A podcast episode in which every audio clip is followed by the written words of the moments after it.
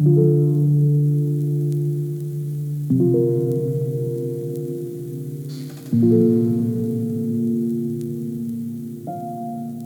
lyssnar du på Parafraspoddens mellansnack och den här gången så är det med Henrik Sten, en god vän till mig. Ehm, och vi ska prata om Johannes 21. Henrik, säg någonting om vem du är. Ja, jag är eh, från Göteborg från början, gift med Anna-Karin och har fyra barn. Bor i Huskvarna och eh, jobbar till vardags på teamuppdrag som kursföreståndare för Bibelskola Livskraft. Så brottas med bibeltexter och unga människor. Kanske inte brottas med unga människor, men brottas med bibeltexter tillsammans med unga människor är väl någonting jag gör mycket till vardags. Yes, ärligt. Ja, man får brottas med både det ena och det andra. Och Petrus får ju brottas med, med sin efterföljelse och sin eh, Jesusrelation i Johannes 21. Um, ehm, och det är det vi ska prata om, vad som händer och vad som har hänt där. Men jag vet ju att du har skrivit en bok som heter Vandra med de tolv, en bok om Jesus lärjungar. Eh, och den vill jag bara tipsa om också för övrigt, Vandra med de tolv. Eh, vilket förlag finns den här om man vill hitta den? Sjöbergs förlag. Härligt, bra. Eh, Petrus, kan inte du lägga ut lite grann om honom? Vem, vad vet vi om honom? Vem var han? Lärjungen Petrus. Jo, men Petrus han är ju den lärjungen som vi vet mest om. Framförallt från de fyra evangelierna men också apostlagärningarnas första del. Han är ju den lärjungen som eh, han pratar mycket, han syns mycket, han gör mycket i evangelierna och han agerar ju mycket som lärjungarnas representant. Liksom när, när de har någon fråga till Jesus eller när de ska handla på något sätt så är det ofta Petrus som agerar. Eh, sen det som jag kanske tycker är allra mest fascinerande med lärjungarna överhuvudtaget, så, och det inkluderar ju Petrus, som, som jag blev väldigt fascinerad över när jag jobbade liksom med både förberedelser och sen skrev den här boken, det är ju att vi har ju lätt den här bilden av de, färdiga apostlarna på något sätt. Va? Den helige Petrus som är den mäktige ledaren, aposteln och som leder församlingen och så. Men när vi möter dem i evangelierna så är det ju det är unga människor som eh, inte fattar riktigt vem Jesus är och de snubblar liksom efter Jesus och de ser något fantastiskt i den här mannen, snickaren från Nasaret, men de, de, fattar inte, de vet inte. Så det blir mycket mer levande för mig så att lära känna Petrus och de andra lärjungarna när jag, när jag läser evangelietexterna utifrån mer där och då. Hur, hur, kände de? Hur tänkte de? Inte utifrån liksom facit. Vad blev de många år senare? Och då möter man ju mycket en Petrus som han är, alltså han är en kraftfull personlighet, det, det, ser man ju i texterna. På det sättet att han, han är inte blyg utan han tar för sig och han märks. Han var en sån, sån kille som när han kom in i rummet så tog han mycket uppmärksamhet, vare sig de andra ville ge det eller inte. Ehm, men han är också på något sätt en, en lärjunge som han vågar, och han, men han, han misslyckas ju mycket. Så när han pratar så ibland blir det bra och ibland blir det dåligt. Och när han gör saker så blir ibland blir det bra och ibland blir det dåligt. Ett sånt exempel som vi ofta kanske lyfter fram det är det här med att Petrus, han, när Jesus går på vatten så går Petrus också på vatten och sen så sjunker han och så lever vi oss in i detta. Liksom, tänk Petrus, liksom, fattar du inte att du borde kolla på Jesus? Liksom, och vi, vi sitter där med facit och läser hela berättelsen utifrån att Petrus, du borde veta bättre och så. Men, men det vi inte inser är att det är elva lärjungar som sitter kvar i båten och Petrus är den som hoppar över relingen och faktiskt går på vattnet. Och det är ju också ett fantastiskt liksom, under som händer där. Inte bara att Jesus gick på vattnet utan också att Petrus gjorde det. Så han verkar vara en temperamentsfull person helt enkelt. Och ibland går det bra och ibland går det dåligt. Och det är på något sätt också en tröst för oss att han fick vara med i Jesus gäng som han var och då får vi också vara det. Ja, för det är det jag lite tänker. Vad, vad, vad, ser du som föredöme? Alltså, han blir ju, lärjungarna kan ju på olika sätt i sina olikheter eh, bli föredömen för oss. Vi lär oss något och vi ser något. Hur tycker du Petrus är ett föredöme för oss idag? Jag ser ju Petrus mycket då i evangelietexterna som, som en känslomänniska. Och då kan man fundera på vad är en känslomänniska? Och då menar jag kanske mycket en människa som som eh, lever med känslor utanpå kroppen, alltså som, som styrs mycket av sina känslor. Men jag tror att vi alla, också den som ser kanske mest samlad ut i gänget, har känslor och en del av oss behöver lyssna mer på våra känslor. Men, men Petrus är ju också den kanske som styrs av sina känslor, som inte kan låta bli att säga någonting. Han kan inte hålla tyst, han kan inte låta bli. utan Som i, i båten så ropar han liksom, Jesus, om det är du, säg till mig att jag ska komma till det vattnet. Eh, så det, det, det, jag vill ta till mig och försöker ta till mig från Petrus, det är ju dels det här att han, han vågar vara sann med sina känslor, att han vågar liksom följa Jesus med sina känslor.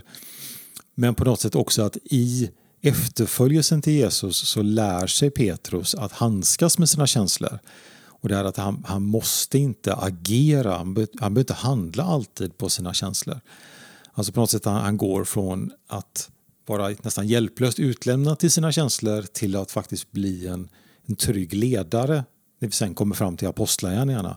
När han har gått liksom i bibelskola där då hos, hos Jesus ett par år så verkar det som att genom de här topparna och dalarna och lyckande, framgångarna och misslyckandena så har han ändå Jesus på något sätt tränat Petrus i att handskas med sina känslor. Så jag tror att något som är viktigt att lära sig från Petrus är att vi får vara sanna med alla våra känslor med Jesus. Men det finns någonting som är ännu mer sant än, än våra känslor och det är liksom att Jesus vet vad han håller på med i våra liv. Ibland så är det kanske nattsvart, ibland är det superhäftigt, allting är jätteljust. Men alla dagar så är Jesus Herre. Och Petrus behövde lära sig det och det är något som jag fortfarande behöver lära mig. att Just det här att ja, men jag, kan, jag kan må så här men det Jesus säger är fortfarande sant. Oavsett om det är bra eller dåligt. Då. Bra. Ehm, Petrus gör ju enorma bekännelser. Och det, det, han, han bekänner Jesus som, som vem han är och, och, så vidare. Och gör ju ansatser på något sätt att verkligen gå all in och leva 100% för Gud. Om, om alla andra sviker dig en dag, jag ska aldrig göra det. Det här med, med, med överlåtelse och ge allt. Eh, jag vet att du blev kristen i din tonårstid. Eh, och då undrar jag, hur, hur har det här förändrats? Hur ser du på ord som överlåtelser, att ge allt för Gud? Hur har det utvecklats över åren i ditt liv, tycker du? Precis, jag blev ju kristen som tonåring och så de många tonåringar vill ju vara på något sätt, man vill vara radikal oavsett om det är eh, liksom för klimatet eller politiskt eller eh, för Jesus. Och jag, för mig var det otroligt viktigt liksom att vara radikal, överlåten, 100 procent liksom och så. Innan jag insåg att oj då, det här handlar ju faktiskt om stora saker i mitt liv. Och eh, där, där tycker jag det finns en sån fantastisk tröst liksom, i Petrus story här av att han är den som bara, bara en sån sak att redan innan det är mest berömda att han lovar Jesus trohet och sedan förnekar honom vid korset. Så vi har ju också till exempel Matteus kapitel 16 där han, han är den som säger till Jesus liksom, du är Messias, den levande Gudens son. Och, och Jesus säger till honom det är Gud som uppenbarat det här. Alltså vilken andlig höjdpunkt. Liksom. Jag har insett vem du är Jesus. Och sen en liten stund senare så försöker Petrus övertala Jesus att du ska inte dö på korset. Liksom. Det var inte en sån Messias vi tänkte oss. Så, så det är redan där också, också tvära kast. Liksom. Eh, men när jag, när jag, tänker på min egen eh, på något sätt, tonårstid och de här orden och så utifrån Petrus berättelse. Så ibland kan jag tänka på när jag gick i bibelskola efter gymnasiet så gjorde vi ett gåvupptäckartest som jag vet inte var, var vi fick ifrån. Men eh, då var det ju massa så här, man skulle liksom kryssa i rätt ruta då beroende på hur mycket man kunde identifiera sig med en viss känsla eller påstående eller så. Man skulle upptäcka sina gåvor, sin personlighet på det sättet. Och man upptäckte ju ganska snart liksom ett mönster om vilka rutor man skulle kryssa i för att liksom gåvupptäckartestet skulle ge de resultat som man ville ungefär då. Och då vet jag att typ var, var nu var 18 fråga eller var 22 fråga, något, något sånt där. Eh, det var typ, eh, jag skulle kunna tänka mig att ge mitt liv för Jesus. Liksom. Och så kom typ 20 frågor senare kom det, jag skulle kunna dö för min tro på Jesus. Liksom. Och då fick man ju som slutresultat på gåvoupptäckartestet att du har nog gåvan att bli martyr för Jesus. Och jag kände att det här var nog kanske inte i backspegeln, när jag själv jobbar på bibelskolan nu, det här kanske inte är det bästa gåvoupptäckartestet jag någonsin har varit med om. Att sitta där i en skolbänk liksom som tonåring och säga ja, jag skulle nog kunna bli martyr för Jesus, jag kan ge mitt liv för Jesus. Jag bara kände att det, det finns lite Petrus-vibbar på det här. Va? jag, jag kan, det finns ingenting jag håller tillbaka Jesus, jag ska kunna göra vad som helst för dig. Ja, det är lätt att säga det på en bibelskola om man sitter i klassbänken. Liksom så. Det är en annan sak att faktiskt ja, sträcka sig, gå till grannen och ringa på eller liksom, prata med den alkisen liksom på torget. Liksom. Det var inte det jag menade. Jag menar liksom att, att sjunga lovsånger, räcka upp händerna och verkligen säga att jag menade. Liksom. Jo, men att följa Jesus kan ju få konsekvenser i mitt vardagsliv liksom, som jag inte vet om från början. Ja, precis, och då är jag lite nyfiken. Hur, hur, hur är överlåtelsen till Jesus kan se ut idag? Eller hur kan jag veta? Kan jag, kan jag spåra mitt liv? Är jag överlåten till Jesus? hur kan det visa sig? Ja, det är en väldigt svår fråga kan jag känna ibland. Ehm, för att vi, vi lever på något sätt med de här stora orden. Inte minst vi uttrycker liksom i våra gemensamma sånger och i lovsånger och våra böner. Och vi håller ingenting tillbaka och vi följer dig Jesus. Inte bara varje dag utan varje andetag. Liksom. Jag tänker inte en enda tanke utan att jag har överlåtit den till dig Jesus. Är det, är det verkligen sant? Kan jag känna ibland.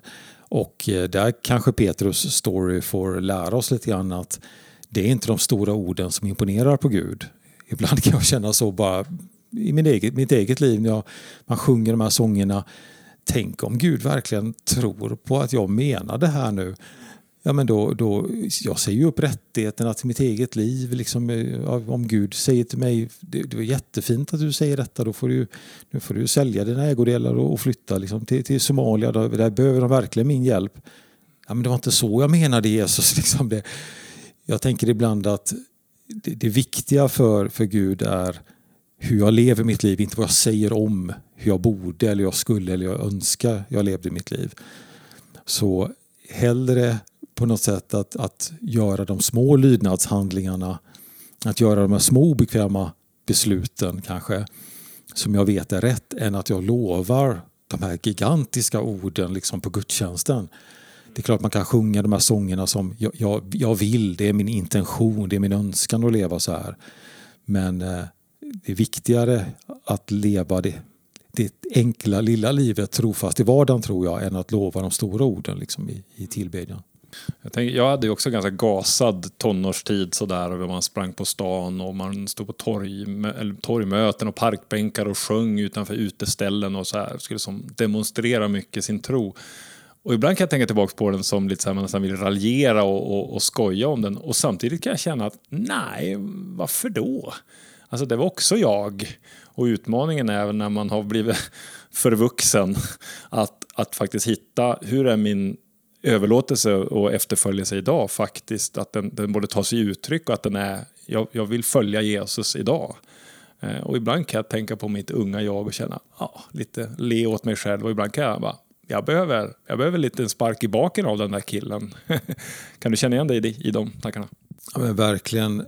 Eh, och särskilt nu då när man, när man är lite äldre, då känns det ibland nästan som en annan person och därför kan man prata om sig själv eller se på sin egen ungdomstid med lite distans och också tillåta de där alltså radikala besluten, radikala efterföljelsen faktiskt var en liten obekväm påminnelse till en. Har, har jag tappat något? Liksom? Eh, ja, nu är jag mognare och visar och jag vet att livet, det är inte alltid svartvitt i alla beslut och så, utan det finns mycket, liksom, mycket annat i livet också. så. Men eh, ja, är det hela sanningen eller behöver jag inte också ha de här, ibland de här svåra obekväma frågorna ställda till mig?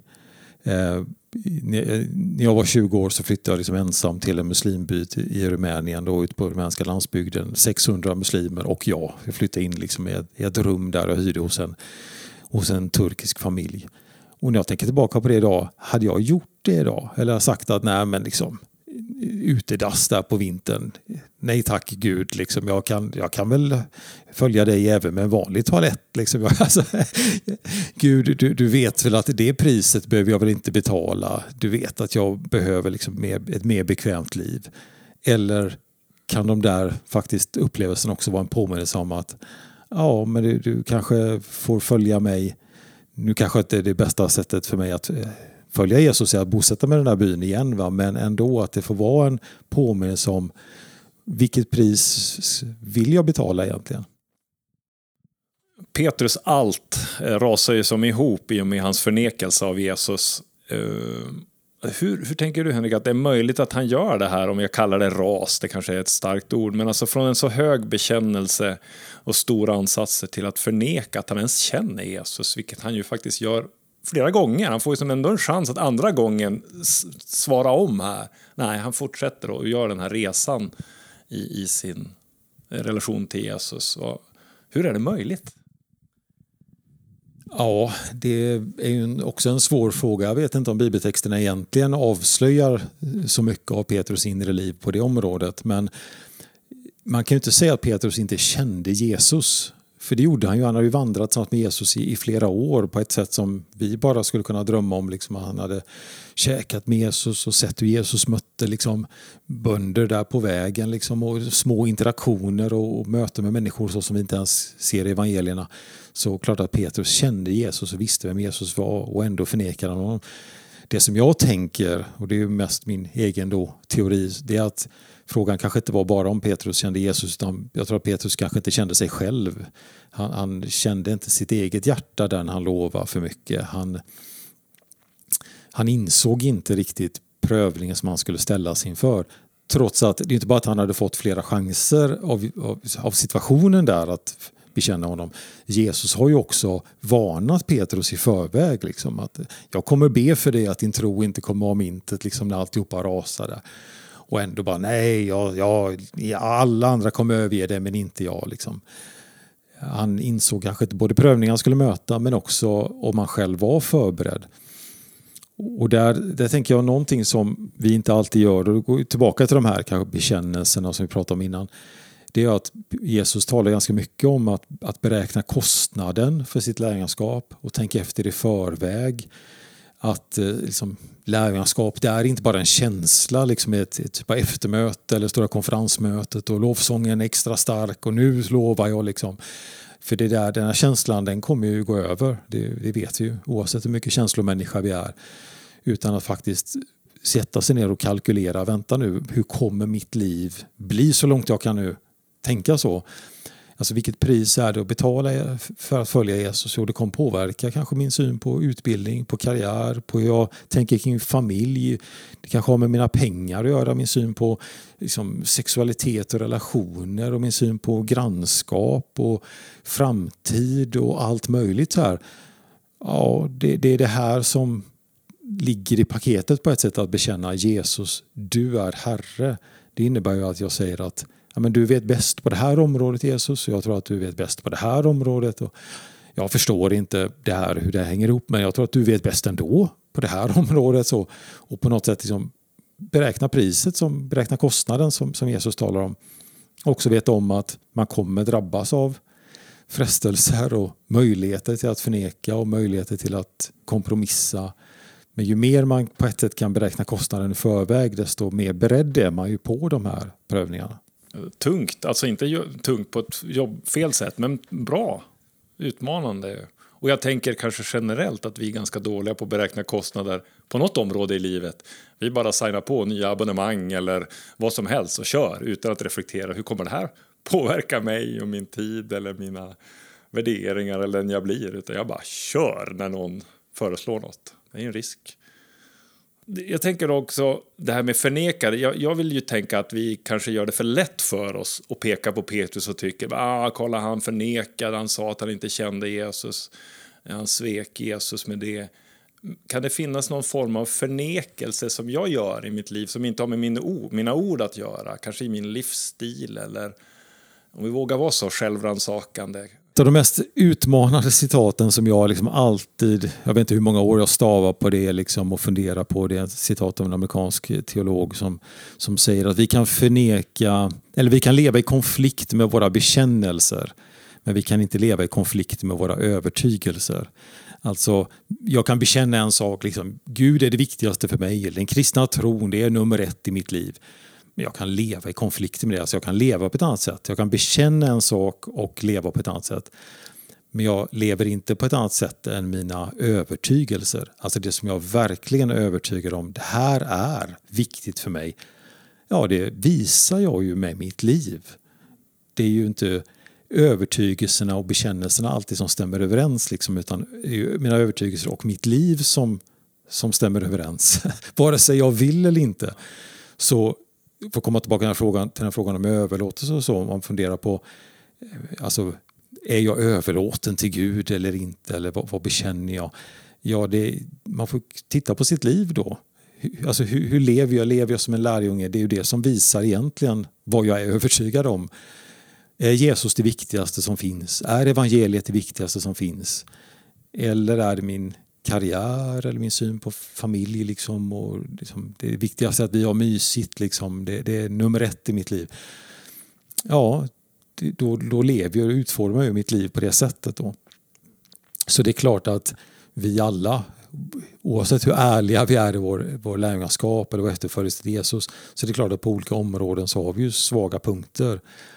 Och då säger jag det inte för att man ska känna sig fördömd liksom, och jag är, jag är en kass kristen och så, utan för att vi ska göra samma sak som Petrus, att när vi upptäcker att på det här området, till exempel ekonomi, så jag har inte överlåtit, eller Jesus är inte herre över min ekonomi, men då får jag komma till Jesus med det här. Inte liksom att det ska driva mig bort ifrån Jesus utan att komma till Jesus. Jag har liksom inte följt det på det här området, jag vet inte hur jag ska göra det men jag vill verkligen vända om från min egen väg till dig Jesus. Förlåt mig och hjälp mig att följa dig på det här området också. Så jag tänker att när vi upptäcker de här sakerna i våra liv så får vi göra samma sak som Petrus gjorde. Fly till Jesus. Jag tycker den berättelsen är fantastisk i Johannes 21 om, om upprättelse och hur Jesus hanterar Petrus. Um, och det är svårt att läsa den texten utan att kommentera någonting runt Jesus frågor. Älskar du mig? Vad tänker du om Jesus frågor till Petrus? Eh, ja, det, det som jag älskar med, med Jesus frågar om, om Petrus älskar honom, det är just detta liksom att, att svaret på Petrus förnekelse är inte en trosbekännelse utan en kärleksförklaring.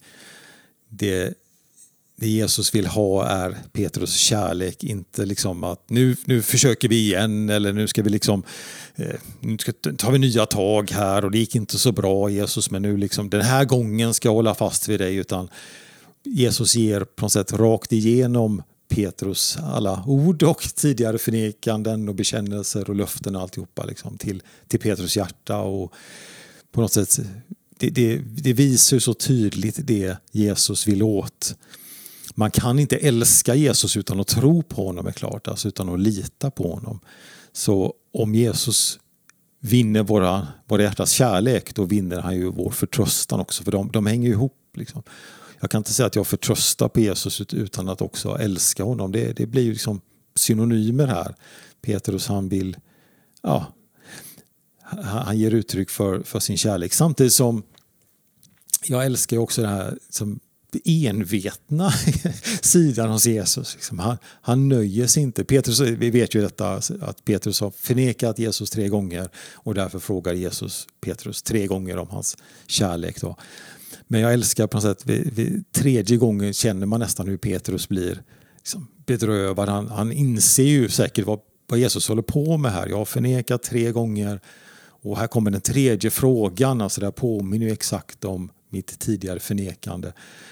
Och så säger Petrus till slut, liksom, du vet. Just älskar dig. Han ger upp, liksom, kapitulerar där. Du vet att jag, jag älskar dig. Liksom det, det, du, du vet sanningen, du vet hur alltihopa har skitit sig och liksom alltihopa har rasat. Och du visste att jag skulle förneka och ändå så står du här och vill upprätta mig igen. Liksom. Så, på något sätt, hur kan jag annat än att älska dig, Jesus? Hur kan jag veta att Jesus vill upprätta mig och lyfta mig eh, om saker på något sätt pajat eller min efterföljelse har, har gått lite i stå och jag kanske till och med har förnekat, jag har lagt min tro bakom mig och bara nej nu går jag en annan väg här. Men, men Jesus vill ju upprätta oss och hur kan jag veta det? Vad, vad tänker du om en sån fråga? Ja, då tänker jag så här att om Jesus ville upprätta Petrus som han verkligen vill göra. Vi ser det i texten. Om han vill upprätta Petrus då vill han upprätta alla för det finns ju ingen som har tagit ut svängarna så mycket som Petrus. Alltså Petrus som hade vandrat då, han var lärjungarnas ledare och som har lovat Jesus liksom face to face med, med Jesus himself. Alltså liksom, han har sett Jesus i ögonen och sagt att jag kommer aldrig förneka dig, jag kommer alltid vara trogen dig Jesus. Och några timmar senare så står han liksom och förbannar Jesus, står det. Vid liksom en lägereld och kommer någon liksom en liten tjej där och frågar, är inte du med i Jesus gäng? Och liksom, aldrig i livet, jag känner inte den mannen. Och om, om Jesus vill upprätta den liksom, absoluta förnekaren, för Petrus han har ju gått så långt på något sätt i förnekandet som man bara kan. Då måste det finnas hopp för oss alla. Liksom. Då måste ju Jesus vilja upprätta oss alla. Liksom. För att ingen har liksom lovat mer än Petrus har gjort rakt i Jesus ansikte och ändå så står Jesus där och upprättar honom. Så jag tänker liksom så, så djupt, alltså det är som att Petrus hjälper oss här liksom att inse att ja, om, om det finns nåd för mig, då finns det nåd för dig också. På något sätt säger Petrus story till, till mig och, och till oss alla, tänker jag. Det som kommer i berättelsen sen är ju också Jesus omtyckta ord, han verkar ju använda dem några gånger. Följ mig. Eh, vad tänker du om de orden till Petrus liv i, i ljuset av hans vandring med Jesus från? Han har fått de där orden till sig tidigare, från början av sin karriär, om man kan kalla det så. Och nu kommer de igen. Följ mig. Ja, alltså de orden har fått lite ny betydelse för mig faktiskt sista tiden efter att ha hört dem och läst dem och predikat om dem liksom så i många år. Och det är ju att eh, det här var ord som judiska rabbiner, alltså judiska lärare i, i, i Bibeln, i Gamla Testamentet, använde till sina lärjungar eller lärjungakandidater när de utvalde dem. Och då betydde ju det här, de här orden betydde inte bara liksom att jag behöver liksom en evangelist eller en köksassistent som kokar kaffe åt mig medan jag undervisar. Så här.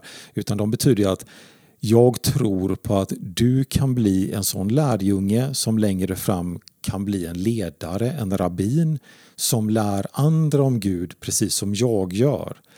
Så följ mig betyder ju också jag tror på din potential att du kan bli en ledare för Gud. Så när Jesus möter Petrus alltså flera år tidigare på stranden då tillhör ju Petrus den här gruppen av fina liksom, judiska män som ändå liksom blivit bortgallrade, bortvalda av judiska rabbiner som fått, fått höra liksom att du är jättefin och kom till synagogan och tillbe Gud och så men jag ser inget ledarpotential hos dig. Så, så Jesus kommer till honom och säger följ mig. Då säger Jesus också till Petrus jag tror på dig, du kan bli en ledare i Guds rike. Och på något sätt, då måste man ha med sig den historien för att inse att när, när Jesus säger de här orden till Petrus efter förnekelsen och upprättandet här på stranden, då säger han ju jag tror fortfarande på dig Petrus. Trots att du har förnekat och då lovat runt och hållit tunt alltihopa. Liksom. Så jag, jag, min kallelse till dig, jag ser dig fortfarande som en, en ledare liksom, för mig. Så det är inte bara du får fortfarande vara med liksom, och städa toaletterna liksom, i kyrkan så, utan jag, jag, jag har fortfarande plats för dig i mitt rike Petrus. Så för Petrus måste det varit fantastiska ord ändå. Tänk att Jesus fortfarande tror på mig till sist då, det, det, relevansen av en sån här text, för det tycker jag ju är utmaningen alltid och det jag vill med ett sånt här avsnitt också. Vad, vad, vi pratar mycket om Petrus, vi lär oss om honom. Relevansen idag, för mig eller för mina kristna kompisar, vår kyrka. Hur, hur ser du den? Det finns ju jättemycket här. Vem kan inte identifiera sig liksom i storyn av att man höll tyst eller man vågade inte bekänna färg på jobbet eller bland liksom, kompisarna, jag, jag tror på Jesus, jag är kristen, liksom, jag står för det här perspektivet. Så. Eh, eller bara med sitt liv inser att jag, jag faktiskt inte levt som jag påstått att jag skulle göra eller, eller önskade att jag hade gjort. Och ändå se liksom att Jesus kommer till mig och på något sätt ser igenom alla de här, både förnekelserna eller segrarna i mitt liv och vill åt mitt hjärta det är ju verkligen relevant för oss alla kan jag känna liksom, i, i vår dagliga efterföljelse av Jesus. Men också bara vill jag skicka med det här att, att inse att när Jesus kallar till lärjungaskap så är det verkligen att han, han vill ge oss förtroende. Han tror mycket om oss. Han, eh, alltså vi som kanske känner att andra kanske inte tror på oss eller andra kanske inte ser den potentialen hos oss Jesus han är en sån som ser potential hos människor och han vill locka fram det. Och Jesus är ju enligt Bibeln Gud, så han har ju skapat oss alla, så vem känner oss bättre än, än Gud? Så även om vi har blivit kanske förkastade eller bortvalda av andra människor så Gud ser potential i oss och räknar med oss. Och det tänker jag, det behöver vi alla liksom bli påminna om. Ja, härligt. Eh, tack för det här samtalet Henrik och att du ville vara med eh, här. Tack för att jag fick komma och vara med. Och jag vill bara skicka med sista tipset. Det är att du letar på Vandra med de tolv och skaffar dig en riktigt bra bok om lärjungarna och inser att det finns mycket att lära om dem och läsa om dem. Och framförallt så är det en Jesus vi följer som eh, vi får älska framåt.